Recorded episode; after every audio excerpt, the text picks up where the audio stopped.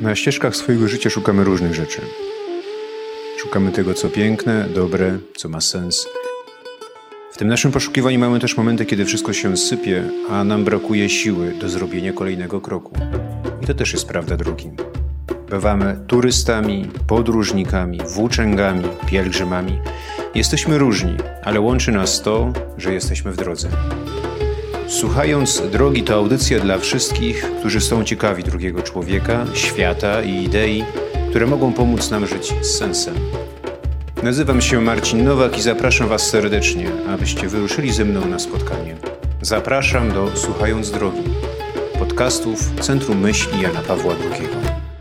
Moja dzisiejsza rozmówczyni towarzyszy ludziom w podróżach do źródeł lęku. Zapraszam na spotkanie z panią Anną Jedlińską-Paligą, psychologiem, psychoterapeutką. Porozmawiamy o tym, jaka różnica jest pomiędzy strachem a lękiem, spróbujemy znaleźć źródła lęku oraz zastanowimy się, czego potrzebujemy, aby lęk nami nie kierował. Zapraszam serdecznie.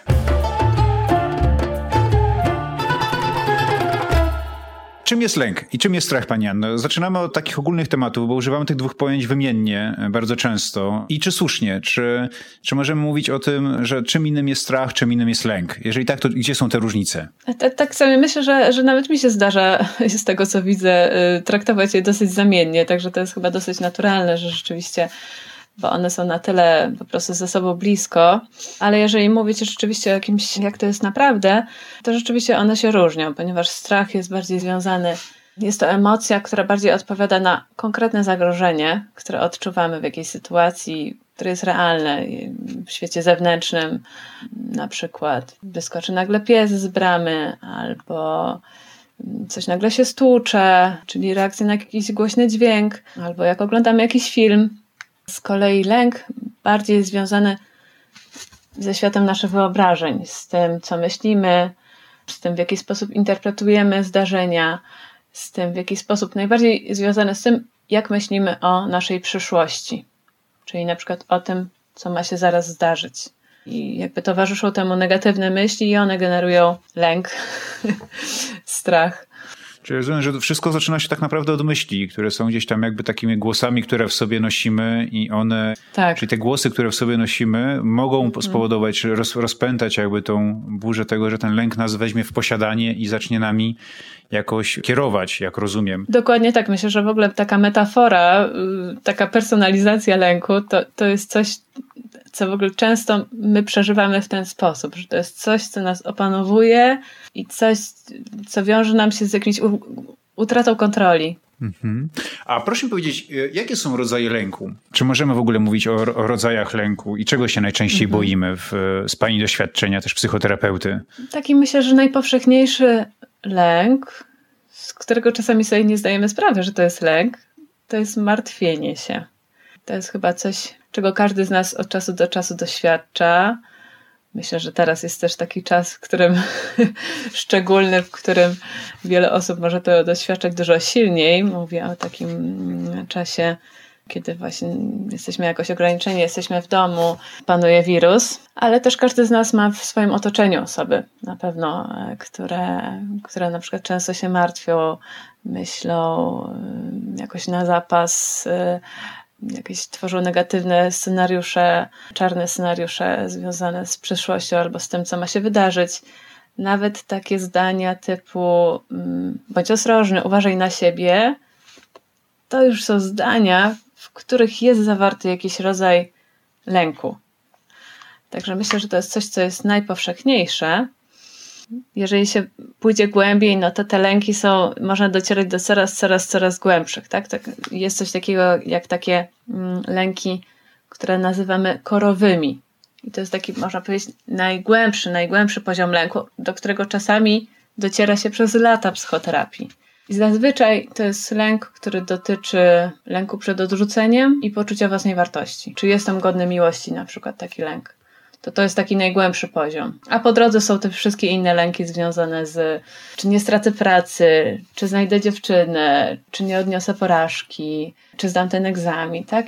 I, pełno, pełno, pełno takich, bardziej takich skonkretyzowanych strachów, lęków z naszego życia. A czy możemy jakoś przybliżyć też słuchaczom takie najbardziej popularne, rozmawialiśmy przed audycją, przed nagraniem o, o, o Pani doświadczeniu. Mhm. Skąd, są, skąd w nas lęk? Gdzie jakby psychologowie, psychoterapeuci lokują mhm. źródła tej myśli, która się pojawia w nas e, i towarzyszy nam właściwie przez całe życie?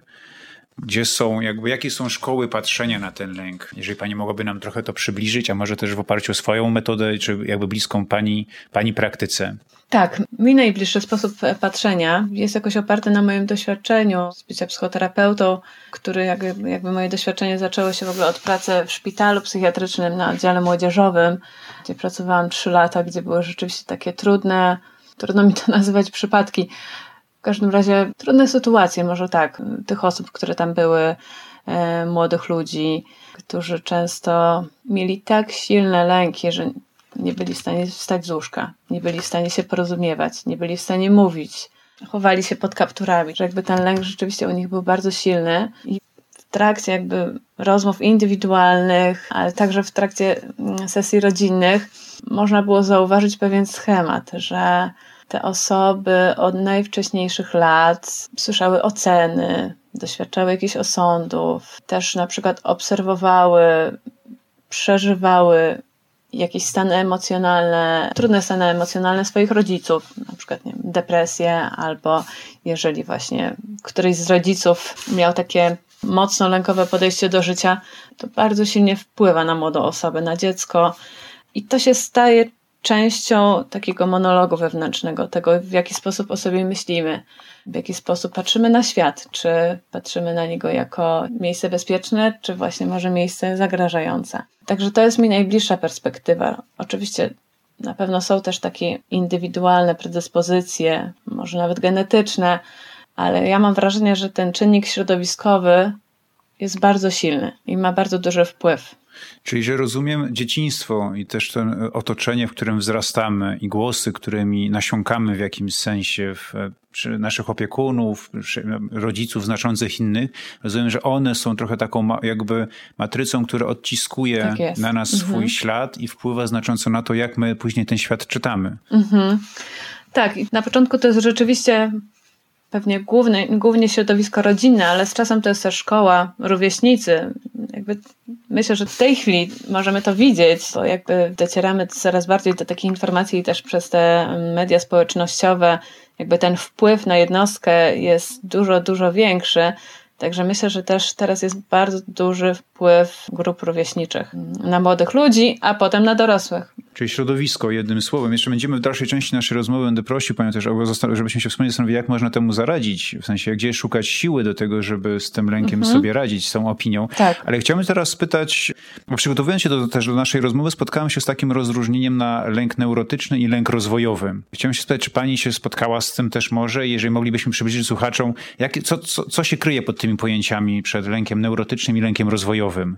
Lęk neurotyczny to już można po powiedzieć, że już jest bardziej związane z taką psychopatologią. W ogóle w psychologii rozróżniamy coś takiego lęk jako stan, czyli coś, co jest bardziej takie przejściowe, mija, i lęk jako cecha. Coś, co już jest dużo bardziej takie trwałe, co się staje częścią osobowości, tożsamości. Także ten lęk neurotyczny to jest właśnie bardziej ten lęk jako cecha już, czyli coś, co po prostu ktoś nawet nie myśli o tym, że mogłoby być inaczej, że ten lęk jest tak codzienny, tak powszedni, tak związany z moją codziennością, że już dla osoby to jest normalne, że ona się budzi i już martwi się o to, no właściwie o każdą rzecz na przykład, tak?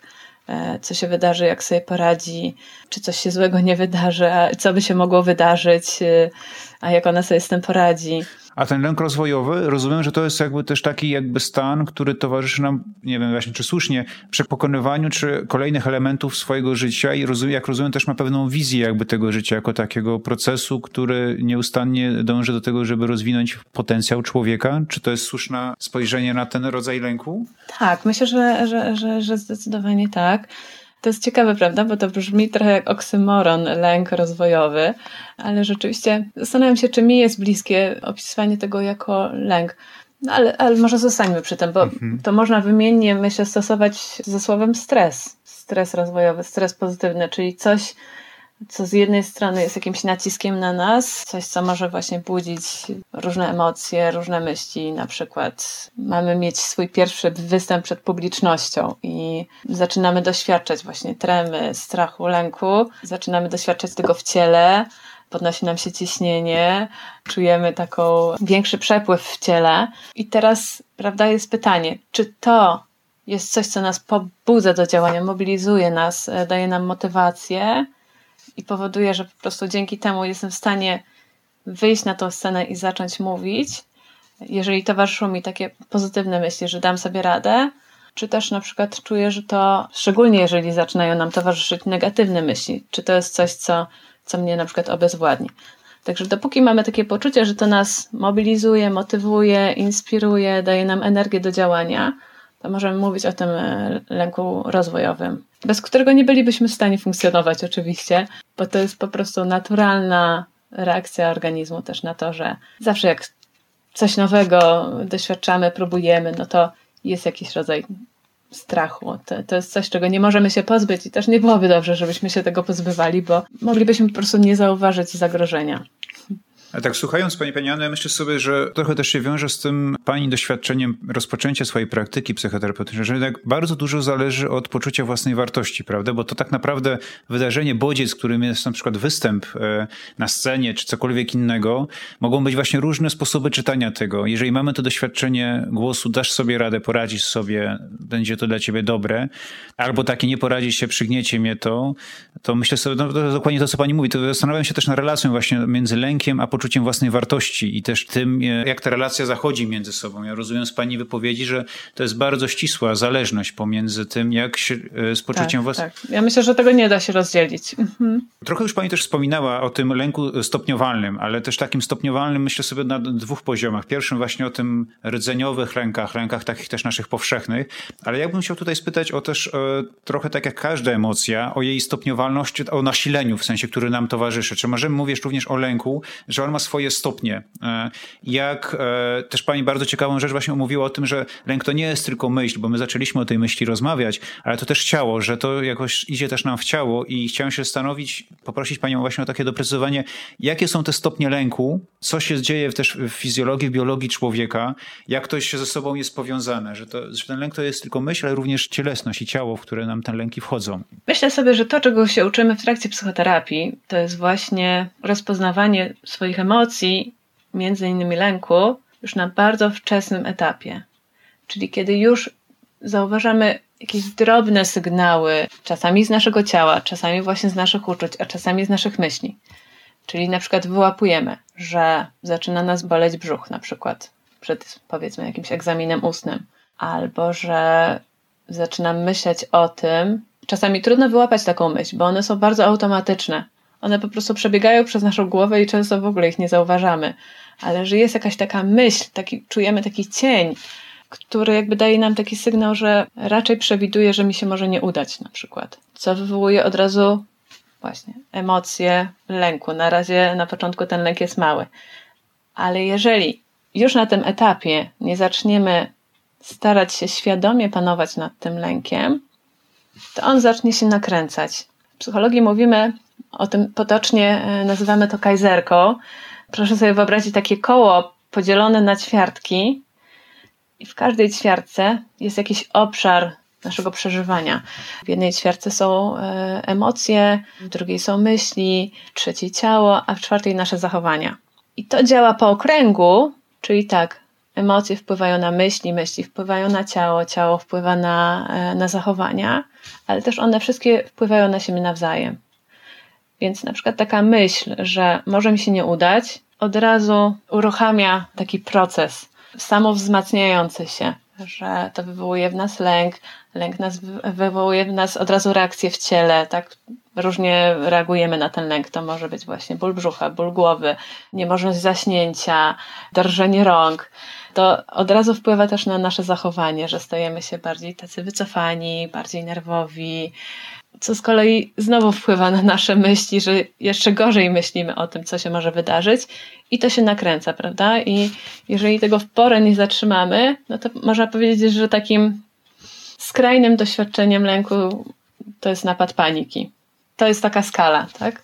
Ale jeżeli to na przykład zatrzymamy na takim początkowym etapie, to to jest jeszcze moment, w którym możemy zamienić ten lęk na taki lęk rozwojowy, który będzie nas mobilizował do działania. A jak można, Pani Anno, z Pani też doświadczenia właśnie spróbować z tym lękiem się zaprzyjaźnić? Jakie są techniki, sposoby właśnie tego, żeby ta pomarańczowa sygnalizacja świetna, która wysyła nam nasze ciało, nasze myśli, nasze uczucia, nie porwały nas, ale żebyśmy ten lęk przeżyli dobrze, wzmacniająco, rozwojowo? Co można zrobić? Myślę, że początek to jest uświadomienie sobie, czyli takie zatrzymanie, zatrzymanie się na tym, co myślę, co czuję, co się dzieje w moim ciele, jakie obserwuję swoje zachowanie. Czyli taka samoobserwacja. To nie jest proste na początku. Trudno jest nam to rozpoznać, bo tak jak mówiłam, często te myśli są bardzo automatyczne, a te sygnały z ciała to jest coś na przykład, co na przykład nie, trudno jest nam połączyć, że to jest związane z lękiem. Też między innymi dlatego osoby, które bardzo często przeżywają lęk, są bardzo częstymi pacjentami u lekarzy pierwszego kontaktu, ponieważ one nie łączą tych e, somatycznych objawów z czymś, co przeżywają w swojej psychice. I dopiero mm, często muszą być wykluczone mm, różne diagnozy, takie czysto medyczne, albo ktoś może im zwrócić uwagę na to, że może to jednak jest e, coś związane z, z tym, co przeżywają na podłożu psychicznym, nerwowym. Także, tak jak powiedziałam, pierwsza rzecz to jest y, samoobserwacja i samoświadomość. Mhm. Ale jakieś, właśnie, bo to trochę też mi się kojarzy jakoś, e, ta, taka też uważność i potrzeba bycia blisko ze sobą, prawda? Tak. Znaczy, bo to mhm. jest też rodzaj pewnego rodzaju dialogu, który my ze sobą prowadzimy, jaki mamy stosunek do tego lęku i też zastanawiam się, że, że ta, ten początek jakby wyjścia z takiego trochę kołowrotka myśli, to jest jakby początek i rozumiem, że później trzeba jakoś właśnie oglądać ten lęk, rozmawiać z nim, próbować poznać go. Zastanawiam się też, e, a kiedy na przykład trzeba sięgnąć po pomoc, kiedy na przykład ten lęk jakby faktycznie nam, nie, nie jesteśmy w stanie na przykład i czy, no pewnie biorąc pod uwagę, że są gabinety psychoterapeutyczne, też jest pani praca, że są takie przypadki, kiedy ten lęk wymyka się spod kontroli i dobrze jest szukać e, wtedy pomocy, czy to jest e, skuteczna droga jakby szukania rozwiązania ze swoim lękiem? Kiedy powinniśmy zobaczyć, uświadomić sobie, że sami nie jesteśmy na przykład w stanie. Rozumiem, że to pewnie zależy indywidualnie od każdego człowieka, ale z Pani doświadczenia, czy są jakieś takie momenty na tej drodze pracy z własnym lękiem, kiedy warto jednak jest sięgnąć już po pomoc? Ja w ogóle jestem zwolennikiem tego, żeby sięgać po pomoc jak najwcześniej i że w ogóle pomoc to nie jest taki moment, y, po który powinniśmy sięgać, kiedy już jest bardzo źle, albo w ogóle nawet kiedy jest źle, tylko czasami wystarczy to, że wiem, możemy potrzebować wsparcia, tak? Albo czujemy, że nie do końca rozumiemy to, co się z nami dzieje. Ja uważam, że akurat pomoc psychoterapeutyczna może być po prostu bardzo też rozwojowa, szczególnie jeżeli chodzi na przykład o taki nurt, w którym ja pracuję, który jest e, nurtem humanistycznym. On jest bardzo oparty na tym, że każda osoba dąży do rozwoju i każda osoba potrzebuje wsparcia. Każda osoba potrzebuje, żeby ten rozwój był możliwy mm, bezwarunkowej akceptacji, empatii, i drugiej osoby, która będzie traktowała ją partnersko, też z taką autentycznością, że to są takie optymalne warunki do tego, żeby, żeby się rozwijać i żeby się ujawniać też, tak? No bo to jest e, tak naprawdę, myślę, że to się z tym wiąże, e, że sięgnięcie po pomoc wiąże się z tym, że jestem gotowy się otworzyć przed drugą osobą. Ale zapytał Pan Oczywiście, kiedy jest ten taki może sygnał alarmowy, że już, że już może nie tylko fajnie by było, ale no już chyba trzeba się udać. Myślę, że to jest taki moment, kiedy zaczynamy czuć, doświadczać, że, że ten lęk utrudnia nam życie w jakiś sposób, że nam utrudnia relacje, że doświadczamy wielu porażek z życiem osobistym, ze związkami romantycznymi, może ze związkami przyjacielskimi, jakoś w kontaktach z rodziną, czy w kontaktach zawodowych, że czujemy, że jest jakiś wzorzec, który się powtarza, którego my nie jesteśmy w stanie zmienić. Tak, że na przykład właśnie unikamy jakiejś sytuacji, wycofujemy się z jakiejś sytuacji, albo wręcz przeciwnie, mogą nam się zdarzyć jakieś na przykład wybuchy agresji, których nie rozumiemy. One też mogą być związane z lękiem. Także takie momenty, kiedy właśnie czujemy, że przestajemy się kontrolować, że coś, tak jak Pan wcześniej powiedział, jakoś przejmuje nad, nad nami kontrolę, nas obezwładnia, pochłania. To też jest ciekawe, bo sobie pomyślałem, że ta agresja i ta, i ta złość, która też towarzyszy, że bardzo często e, też rozmawialiśmy e, tutaj w naszej audycji wcześniej z panią też psychoterapeutką, z panią Katarzyną e, i, i tam też pojawiło się ciekawa rzecz, która dla mnie była takim intrygującym, że depresja może się również objawiać, zwłaszcza u mężczyzn, na przykład po porodzie, bo rozmawialiśmy o sytuacji złością, agresją. I sobie pomyślałem też w tym kontekście tego lęku, o czym pani teraz mówi, że, że to nie jest też tak, że ten lęk i wydaje mi się, to, to jest ciekawe, i też warto, żebyśmy może o tym po chwilkę porozmawiali, że lęk nie tylko może manifestować się w takiej postaci, nie wiem, wycofania, schowania się właśnie za zasłonem, z kapturem i tak, tak dalej, tylko bardzo często, może, może nie bardzo często, ale również taką formą, w której ten lęk się pojawia w zachowaniach naszych jest również agresja, złość, e, czy jakiś taki rodzaj właśnie manifestowania czegoś, co by się mhm. wcale na pierwszy rzut oka nie wydawało, że to jest lęk. Czy to jest słuszne? Czy w sensie, czy taka jakby, czy taki sposób, taka intuicja, która gdzieś mi się tam pojawia, ta relacja pomiędzy lękiem a agresją, mm. z Pani doświadczenie jest, jest, jest uprawomocniona, że można o tym mówić, o tej relacji. Tak, zdecydowanie tak.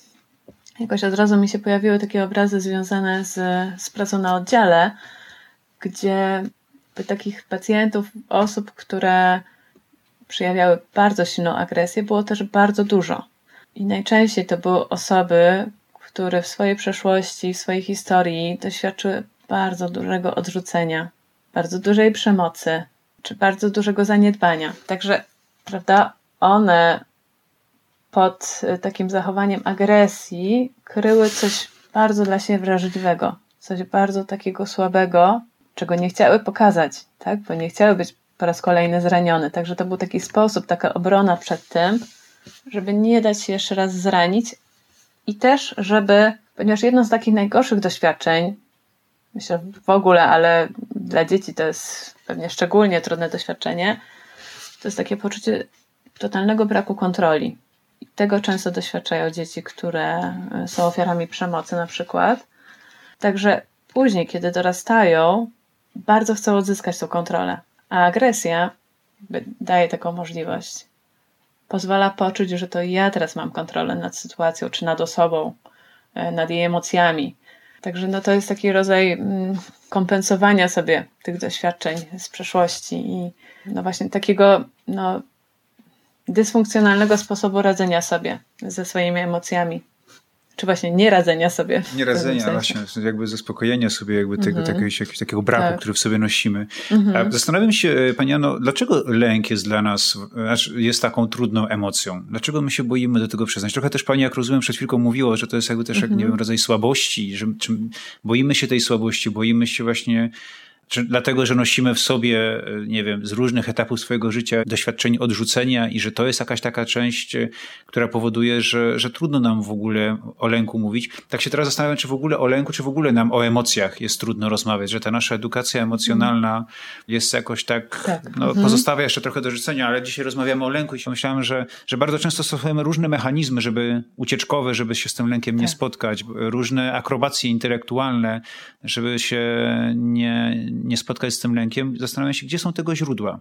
Czy faktycznie w tym tylko doświadczeniu odrzucenia gdzieś kiedyś na jakimś etapie życia, czy gdzieś coś jeszcze tam jest ukryte? Tak jak ja to widzę, to myślę, że to najbardziej związane jest z tym, że nasze społeczeństwo cały czas jeszcze bardzo mocno y, preferuje takie oceny. Tak, że takie oceny pojawiają się w naszym życiu od samego początku. Że jest jakby taki preferowany styl zachowań żeby być odważnym, żeby być e, śmiałym, żeby być silnym, żeby sobie dobrze radzić. Ja nawet widzę sama jako mama świeża dwójki dzieci, że to jest coś, co mi z dużo większą łatwością przychodzi, prawda? Jakby takie docenienie dziecka za to, co mu wyszło. A dużo trudniej jest nam się pochylić i być przy dziecku, na przykład w sytuacji, kiedy coś mu nie wyszło. Powiedzmy, że dziecko przychodzi do nas i, i pokazuje jakiś rysunek albo coś, co, nie wiem, jakąś pracę plastyczną, tak? Jeżeli wszystko ładnie wyszło i widać, że to jest drzewo, słońce i domek, no to świetnie, brawo. Bardzo mi się podoba Twój rysunek. Jest taka naturalna reakcja. A, a jeżeli na przykład yy, nie wiem, są, są dwie kreski na krzyż, no to dziecko słyszy, że reakcja jest taka na przykład, y, no tak, fajny rysunek. Także to jest coś, co myślę, że od, y, od początku dostajemy takie informacje, żeby trochę ukrywać to, że się właśnie czegoś boimy, wstydzimy, czegoś jesteśmy niepewni, y, że to nie jest coś, co jest po prostu tak naturalnie wzmacniane.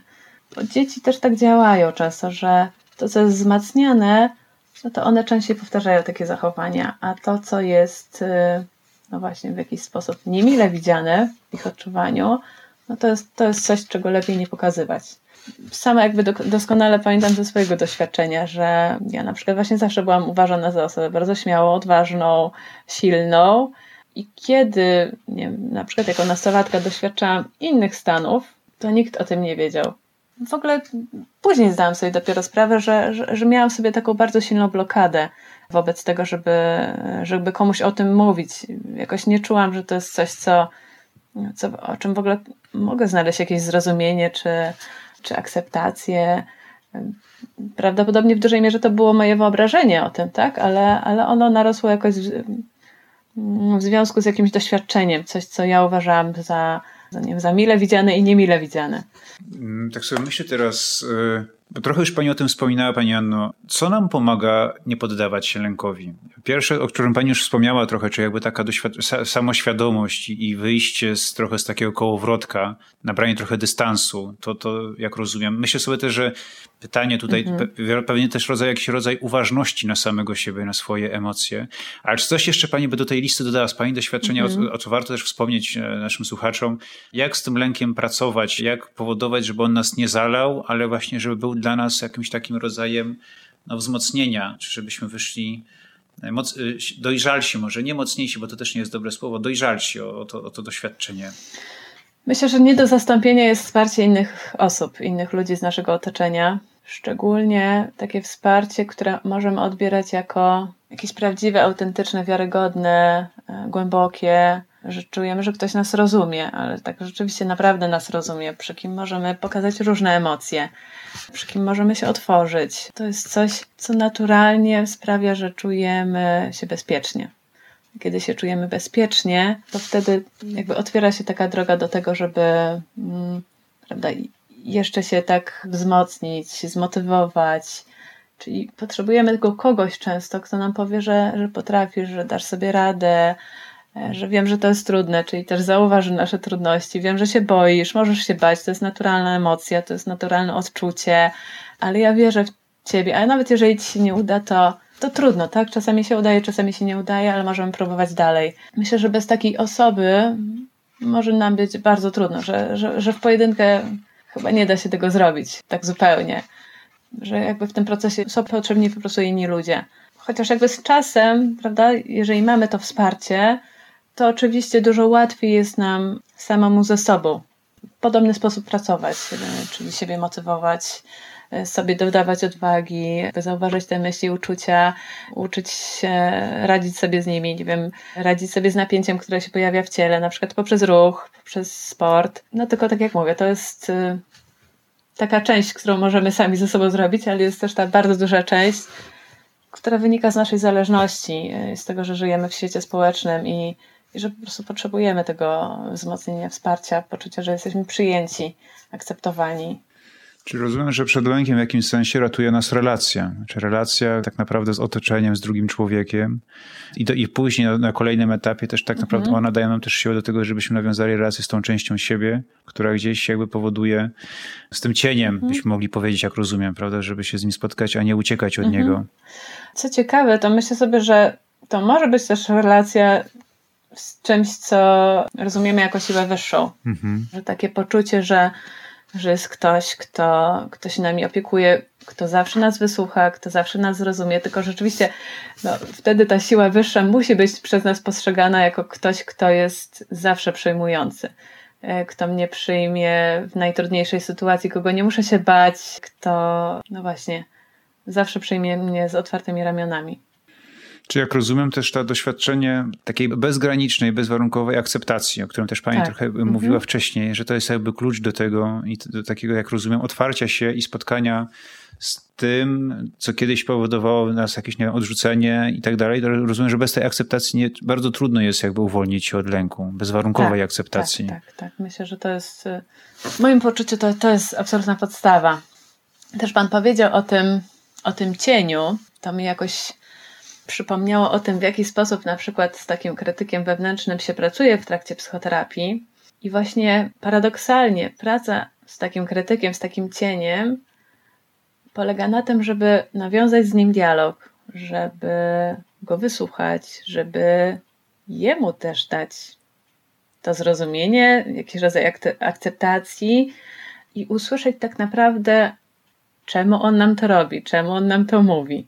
I zobaczenie, że nawet nasz cień ma w gruncie rzeczy taką motywację, żeby jakoś nam pomóc, żeby jakoś nas chronić, że używa do tego sposobów, które być może już niespecjalnie y, nam pomagają, są funkcjonalne, ale na jakimś etapie naszego życia były rzeczywiście dla nas ochronne. I że taka rozmowa z tym cieniem może doprowadzić do tego, że ten cień staje się naszym wspieraczem też. Czyli rozumiem, że do tej naszej listy jest kolejne też takie słowo, trochę klucz, czy jakby pomagające, też dialog, prawda? Znaczy w sensie, że taka tak. też mm -hmm. komunikacja i rozmowa z tymi różnymi głosami, które w sobie mamy, też jest niezmiernie ważna.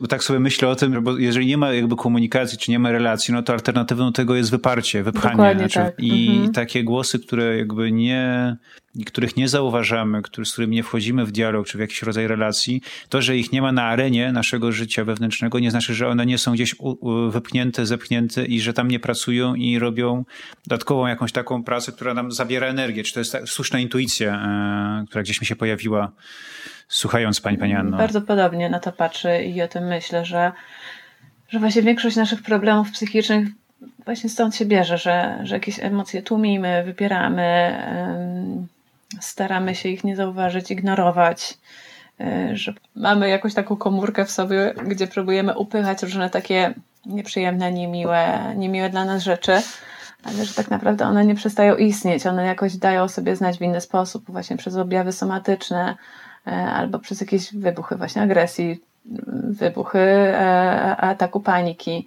Także dopiero jakby taki holistyczny kontakt ze sobą, taka integracja wewnętrzna, taka holistyczna, nie pomijająca żadnej sfery, również tej duchowej, chociaż można powiedzieć, że to jest taki najgłębszy obszar, który najdłużej może być nieruszony, to to jest y, dopiero moim zdaniem droga do, do jakiejś takiej pełni życia, czy, czy do takiego pełnego rozwoju, żeby ten lęk stał się takim rzeczywiście wspieraczem, stał się jakimś czynnikiem rozwoju, a, a nie czymś, co, co, co nas hamuje. Bardzo dziękuję Pani Anno. I jeszcze na koniec jedno pytanie, bo staramy się też w naszych audycjach zobaczyć nie tylko eksperta, ale też zobaczyć e, człowieka. Mhm. I takie pytanie chciałem się spytać, co Panią skłoniło do tego, żeby zająć się psychoterapią, żeby wybrać e, mhm. taki rodzaj swojego spełnienia zawodowego? E, jeżeli mogłaby Pani nam w paru słowach przybliżyć, gdzie korzenie są takiego wyboru jakiś czas temu Pani drogi życiowej, zawodowej? Myślę, że częściowo u mnie się one lokują w rodzinie, że mam takie doświadczenie, że moi rodzice oboje są związani gdzieś ze, ze światem psychologii, ze światem właśnie takiego rozwoju osobistego, ale myślę, że to był tylko jeden z czynników, w którym wzrastałam i który na pewno mogłam tego doświadczyć na co dzień, ale też od kiedy jakoś pamiętam, to miałam taką bardzo dużą ciekawość drugiej osoby, właśnie dialogu, takiego dowiadywania się, co dalej, co jest za tym, jak osoba się czuje, jak coś przeżywa. Także nawet pamiętam, że miałam takiego kolegę, który gdzieś chyba na poziomie jeszcze szkoły podstawowej mówił, e, mówił o mnie e, Ania psycholog, bo zawsze dużo zadawałam pytań i, i byłam bardzo ciekawa tego, jak ktoś myśli. Też to się jakoś wiązało pewnie z filozofią, tego, jak funkcjonuje świat, jak my funkcjonujemy.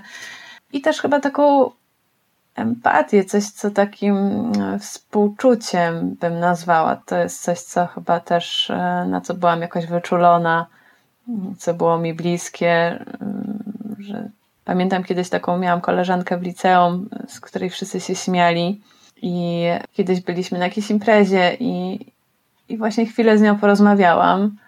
I ona potem bardzo często tak wylewnie mi dziękowała za to, że, że w ogóle zwróciłam na nią uwagę, że w ogóle z nią rozmawiałam, że, że poczuła się właśnie ważna, jakaś wyróżniona, że jakoś zachowałam się inaczej niż, niż wszyscy. Tak, także to jakoś mi się tak kojarzy, że to była taka moja naturalna droga i taka ciekawość drugiego człowieka i ciekawość spotkania i, i że nawet jakoś osoby, które przez otoczenie były postrzegane jako takie negatywne, może nawet trochę złe, czy albo nawet właśnie, albo bardzo proste, takie, które nic tam więcej nie ma. To zawsze mnie ciekawiło, żeby no, jakby doświadczyć i przeżyć. I zawsze praktycznie się okazało, że to nie jest prawda, że, że każdy z nas ma głębie, każdy z nas ma bardzo dużą wrażliwość, tak? I, i że po prostu trzeba stworzyć takie warunki rozmowy, żeby, żeby osoba mogła e, to pokazać, otworzyć się, e, chcieć to ujawnić po prostu. Bardzo dziękuję. Bardzo dziękuję Pani Anno za Pani czas, za to, że nas Pani wpuściła w swój świat, podzieliła się z nami swoim też doświadczeniem, wiedzą. Bardzo dziękuję. dziękuję bardzo.